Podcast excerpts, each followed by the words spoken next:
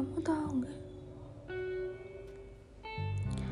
Ketika teman-temanku mulai menceritakan keharmonisan keluarganya, percayalah,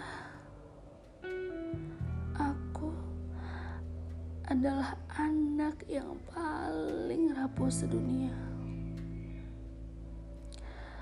Rasanya ingin sekali menjadi mereka. Ingin menjadi seperti orang-orang lain. Mereka dapat merasakan kebahagiaan dengan keluarga. Dan mereka juga orang yang paling beruntung yang pernah ada. Tidak denganku.